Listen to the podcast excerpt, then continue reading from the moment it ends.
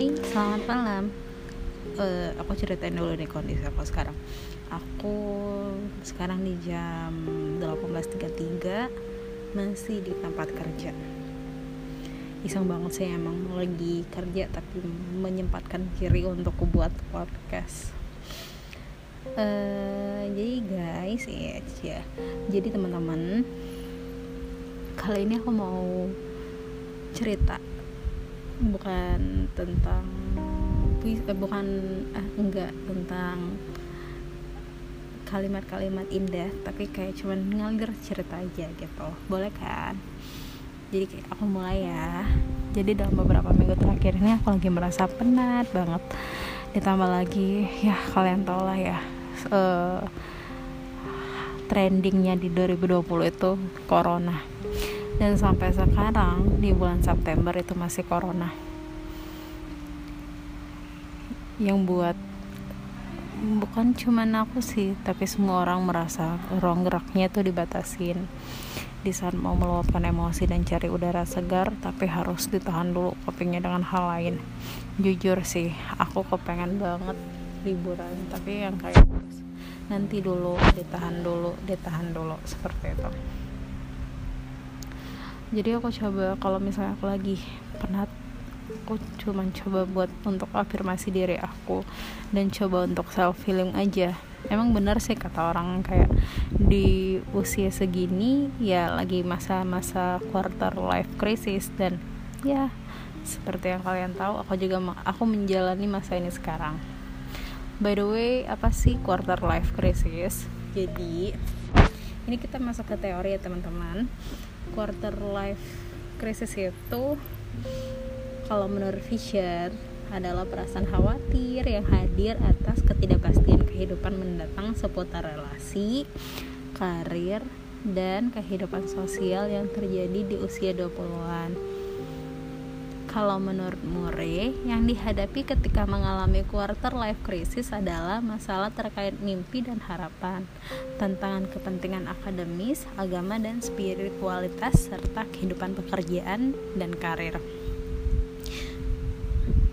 Dan permasalahan ini muncul di usia 18 hingga 28 tahun.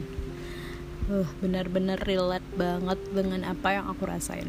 Dan itu ya benar terjadi dan menurut aku ini juga terjadi dengan teman-teman seusia aku. Uh, jujur sih aku kayak ngerasa banyak banget mimpi dan goals yang belum aku realisasiin. Dan sometimes yang buat aku ngerasa sedih ya karena aku tipe orang yang bertujuan kayak tap tap tap tap ini dan itu benar-benar merancang dan e, merencanakan serta merealis merealisasikan. Dan semua hal yang gak sesuai sesuai ya dan semua hal itu nggak bisa sih memang sesuai dengan rencana aku. Gak bakal juga semua sesuai dengan semua harapan aku sebenarnya. Iya kan? Kayak apa ya pemikiran aku tuh lebih kayak mikirin masalah karirnya. Dulu sih karir aku tuh ya gini lah maunya. Tapi gimana ya istilahnya tuh karir aku yang sekarang itu benar-benar berbelok dari maunya aku yang dulu gitu. ya adalah setiap orang itu punya maunya apa gimana karirnya dengan jenjang seperti apa. Sampai sekarang sih kalau aku masih mencoba melakukan yang terbaik jadi aku mengusahakan yang terbaik aja buat karir aku uh, aku masih kayak cari-cari siapa tahu ada yang aku kayak cari-cari di mana ya yang tepat yang tepat menurut aku ini tempat yang tepat gitu. Tapi aku tetap memaksimalkan yang aku kerjakan sekarang. Ya tetap berusaha melakukan yang terbaik dan menikmatinya. Aku menyukai pekerjaanku. Aku tidak memungkirin itu uh, karena karena aku juga pribadi yang ya bisa dan maunya dan mau jadi ya nikmat dan dinikmatin seperti itu. Positifnya sih aku bisa terus membantu orang melalui pekerjaanku. Aku bisa menyalurkan rasa empati dan simpatiku. Aku bisa mengasah skill yang aku punya terus yang pasti itu aku bisa berinteraksi dengan ratusan orang setiap harinya. Yang ya pasti tahu dong bakalan ada cerita dan pengalaman di setiap harinya yang didapat. Mesti aku nggak harus berpertualang atau aku nggak harus ke mana-kemana. Berdedikasi dan terpenting aku bisa belajar untuk sabar dan intinya buat aku membangun pribadi yang lebih baik. Benar sih benar-benar mengasah kesabaran. Contohnya nih gini misalnya ada jenis orang nyebelin. Kayak aku harus terkadang aku juga pernah loh kayak itu di tempat di suatu tempat. Jadi kayak aku ibaratnya nyebelin banget ya gitu loh. Jadi aku kayak buat diri aku kamu nggak boleh lagi loh kayak itu. Lihat tuh orang itu gitu ke kamu. Gak enakan maksudnya nyebelin kan. Jadi gitu deh. Misalnya ini ada orang yang ramah baik dan bijak.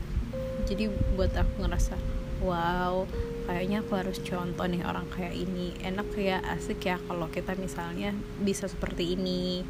Jadi kalau misalnya aku berinteraksi dengan orang dengan tingkah yang seperti itu enak aja jadinya gitu. Kayak berusaha aja lebih buat diri aku ya lebih ramah lebih baik dan berusaha untuk bijaksana.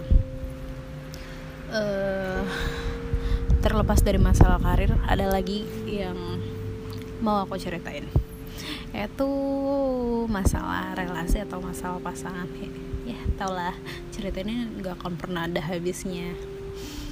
Uh, ini juga yang sometimes menjadi pikiran aku juga. Bener banget deh di usia menuju 20 sampai 30 masa life crisis. Seperti yang aku aku seperti aku nih kayak mikirin aku nikahnya kapan? Nanti pasangan aku gimana? Keluarga pasangan aku nanti gimana pasangan aku gimana ya karirnya nanti? Atau karir pasangan aku sekarang gimana? Pasangan aku orangnya nanti seperti apa? Kira-kira cita dan harapan aku bakal didukung gak sih sama pasangan aku nanti? Bakalan terwujud gak sih? Atau pasangan aku sedang membangun diri juga kah seperti aku sekarang? Atau kapan sih aku bertemu pasanganku? Itu sih.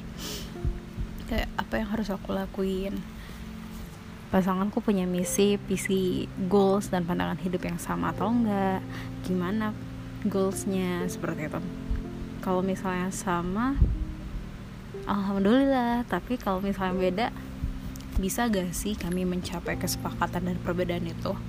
Dan banyak pikiran-pikiran itu dan bisa jadi buat penat juga sebenarnya tapi mau aja mikirinnya. Ya gimana sih harus dipikirin sebenarnya ya kan? Ya rasa insecure itu datang. Datang lagi datang lagi. Dan tau lah kalau rasa insecure itu suka datang di waktu kondisi dan bahkan di plot yang gak terduga. Dan ya tergantung kita gimana menyikapinya. Um, di saat seperti ini aku harus struggle dan coba lakuin yang terbaik yang aku bisa. Kayak anything happen to me ya emang aku orangnya begini. I will try my best. Aku harus terus usaha dan mengerahkan kemampuan terbaik aku. Try my best untuk menyelesaikan apa yang sedang aku hadapi. Melawan rasa insecure yang sama sekali gak baik buat aku. Nggak boleh eh, memandang rendah diri dan buat kata-kata positif kayak you deserve better fit gitu gitulah kayak, kayak kamu bisa ngelakuin itu kok. You can do it and ya kalimat-kalimat yang bisa membangun citra diri. Uh, tapi kadang nggak cukup untuk kita sendiri sebenarnya. Walau sebenarnya aku ngerasa aku bisa selalu bisa sendiri. Untuk uh, untuk beberapa masalah atau beberapa hal itu memang kita tuh nggak bisa handle sendiri sih. Aku sadar itu. Seiring berjalannya waktu aku sadar gak semua hal bisa aku genggam. Gak semua yang aku mau akan terwujud sesuai maunya aku. Seringkali akan diganti dan dengan lebih baik bahkan lebih indah. Itu sih kayak kalimat kalau misalnya mendapatkan hal yang tidak kita inginkan jadi kayak aku bilang insya Allah akan diganti dengan yang lebih baik bahkan lebih indah berharapnya seperti itu. Uh, dan di saat ada masalah dan yang aku merasa buntu jalan buntu terkadang gak bisa aku tanggung sendiri bahkan semua hal memang gak bisa aku himpun sendiri aku butuh seseorang untuk bantu mencerna masalah itu. Biasanya aku kadang need help kayak aku ngerasa aku need help itu tuh aku bakalan cari orang yang bisa bantu aku. Tapi selain itu yang selalu aku lakuin biasanya aku minta tolong dan ngadunya sama Allah. Karena itu hal yang paling tepat sih. Sampai selalu sampai karena tersering dan keseringan aku seperti itu aku malu sendiri sama Allah yang nggak ada istirahatnya aku ngeluh nggak ada istirahatnya aku nggak mohon nggak ada istirahatnya aku nggak minta nggak doa. Ya di setiap sholat wajib dan di setiap sholat sunnah biasanya aku curahkan semua belenggu di hati. Dan hmm, bener sih ada rasa tenang. Di saat aku nggak mampu ya aku nangis biasanya gitu. Aku biasanya ngaji di di waktu malam dan fajar. Dan emang sih itu enak banget. Beberapa tahun terakhir aku rutin puasa Senin ke mak beberapa tahun terakhir kan aku rutin nih puasa Senin Kamis. Otomatis bangunnya kan di waktu fajar berawal dari hari Kamis, Senin, Alhamdulillah sekarang udah hampir setiap hari aku bangun di waktu fajar. Untuk sholat dan nunggu subuh aku biasanya isi dengan ngaji bahkan kadang baca buku. Bener-bener deh jujur itu damai banget. Damai banget di waktu-waktu itu. Nggak ada yang ngeliat kita nggak ada yang denger kita ngomong apa dan aku bisa ngadu apa aja. Dan gak lupa aku selalu baca surat al-fajr sih yang biasanya. Aku baca itu kayak sebagai penghargaan aku terhadap waktu yang mengizinkan aku bangun dan menikmati damai itu. Dan lucu sih kadang di tengah-tengah ngaji aku biasanya nangis bakal pernah sampai terseduh-seduh lalu pada subuh aku suka melanjutkan dengan membaca hal, -hal positif. Jadi kayak mengawali pagi dengan hal yang baik seperti itu. Dan itu membuat mood jadi lebih lebih bersahabat. Buat hari jadi kayak lebih enjoy aja walaupun lagi penat walaupun lagi banyak masalah mikirin ini mikirin itu. Kadang buat kita pesimis insecure tapi magic aja semua itu lenyap kalau bisa aku buat judul sih kayak kalau kayak di Indosiar tuh kayak gini. Apa bukan bukan uh, judulnya tuh kayak gini. Ku dapatkan damaiku di waktu fajar iya. Kalau ada yang ngerasa gini juga kalau ada yang ngerasa kayak aku juga nih lagi penat-penat banget coba deh. Strategi copingnya kayak gini setelah mencintai setelah mencintai Allah cintai diri sendiri barulah mencintai makhluk ciptaannya. Mencintai apa yang diciptakannya mencintai apa yang dikehendakinya. Berserah diri dengan Allah benar-benar menjalani menikmati proses dari skenario Allah. Walaupun sometimes aku ngerasa bukan ini jalan yang harus aku lalui. Kayak bukan ini maunya aku. Bukan ini yang aku pikirin tapi sebagai manusia biasa ya untuk hal-hal yang terjadi ini aku usaha terus ya. Bisa sesuai dengan apa yang aku harapkan. Doa dan tawakal untuk urusannya gimana Allah lah yang maha pengatur semuanya. Aku percaya aja Allah gak bakal kasih cobaan berupa masalah ataupun nikmat itu kepada umatnya yang umatnya itu nggak bisa ngelaluinnya pasti semua itu sesuai dengan kadarnya pasti sesuai dengan kesanggupannya ya karena Allah maha mengetahui dan Allah tahu aku bisa melalui ini makanya aku diminta untuk melewati masa ini dengan sabar dan ikhlas.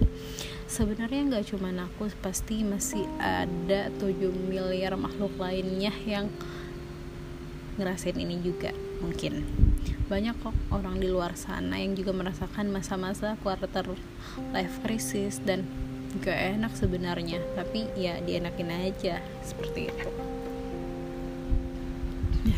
aku nulis ini mungkin sebagai kenangan manis sih. Kayak aku pernah dibaperin di oleh quarter life crisis dan ini sebagai bentuk self healing aku melalui tulisan yang sekarang aku bentuk jadi podcast aku cerita ini. Dengan mengutarakan semuanya melalui media menulis dan sekarang media apa ya? Media podcast ya. Jadi akan ada emosi di dalamnya ya jadi intinya nih teman-teman aku sekarang sedang di masa ini dan aku sedang melewati prosesnya. Struggle dengan life uh, quarter life crisis yang menjadi momen mendebarkan dirasakan setiap orang baik laki-laki maupun perempuan. Jadi sampai detik ini dan saat ini pun aku masih berjuang menemukan teka-teki jawaban ini. Masih dibuat penasaran dari proses yang menempa aku sekarang kayak aku sadar aku harus bersyukur untuk semua hal yang sudah aku miliki. Dan sampai saat ini aku masih bisa melalui ini semua. Jadi kayak up down aku ajak temenan aja. Kalau sama temen kan asik jadi mikirnya gitu aja sih sekarang. Nggak nunggu nanti tapi kalau bisa tiap saat buat dirimu bangga dengan dirimu sendiri bangga bukan cuman karena berhasil karena apa atau dapat penghargaan apa tapi bangga karena kamu bisa melalui ini dengan baik dan berusaha melewati semua hal ini dengan sangat baik dari versi terbaik diri kamu. Percaya aja sih sama Allah yakinlah. Aku pernah nge-tweet apa gitu di Twitter uh, dan aku baca sebagai bentuk afirmasi diri aku gitu aku baca lagi aku baca lagi dan berulang. Jadi kayak pintar-pintar kita aja bisa-bisanya kita. Gimana caranya untuk merasa menikmati proses yang terjadi?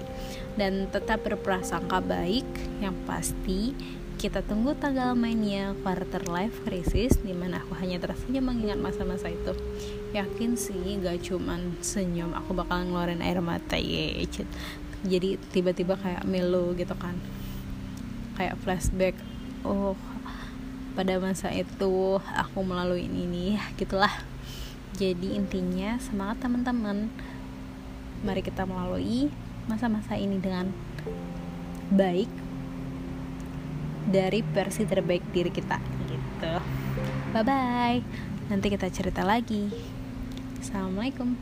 Soalnya ini udah ini udah dipanggil nih lagi di tempat kerja sih makanya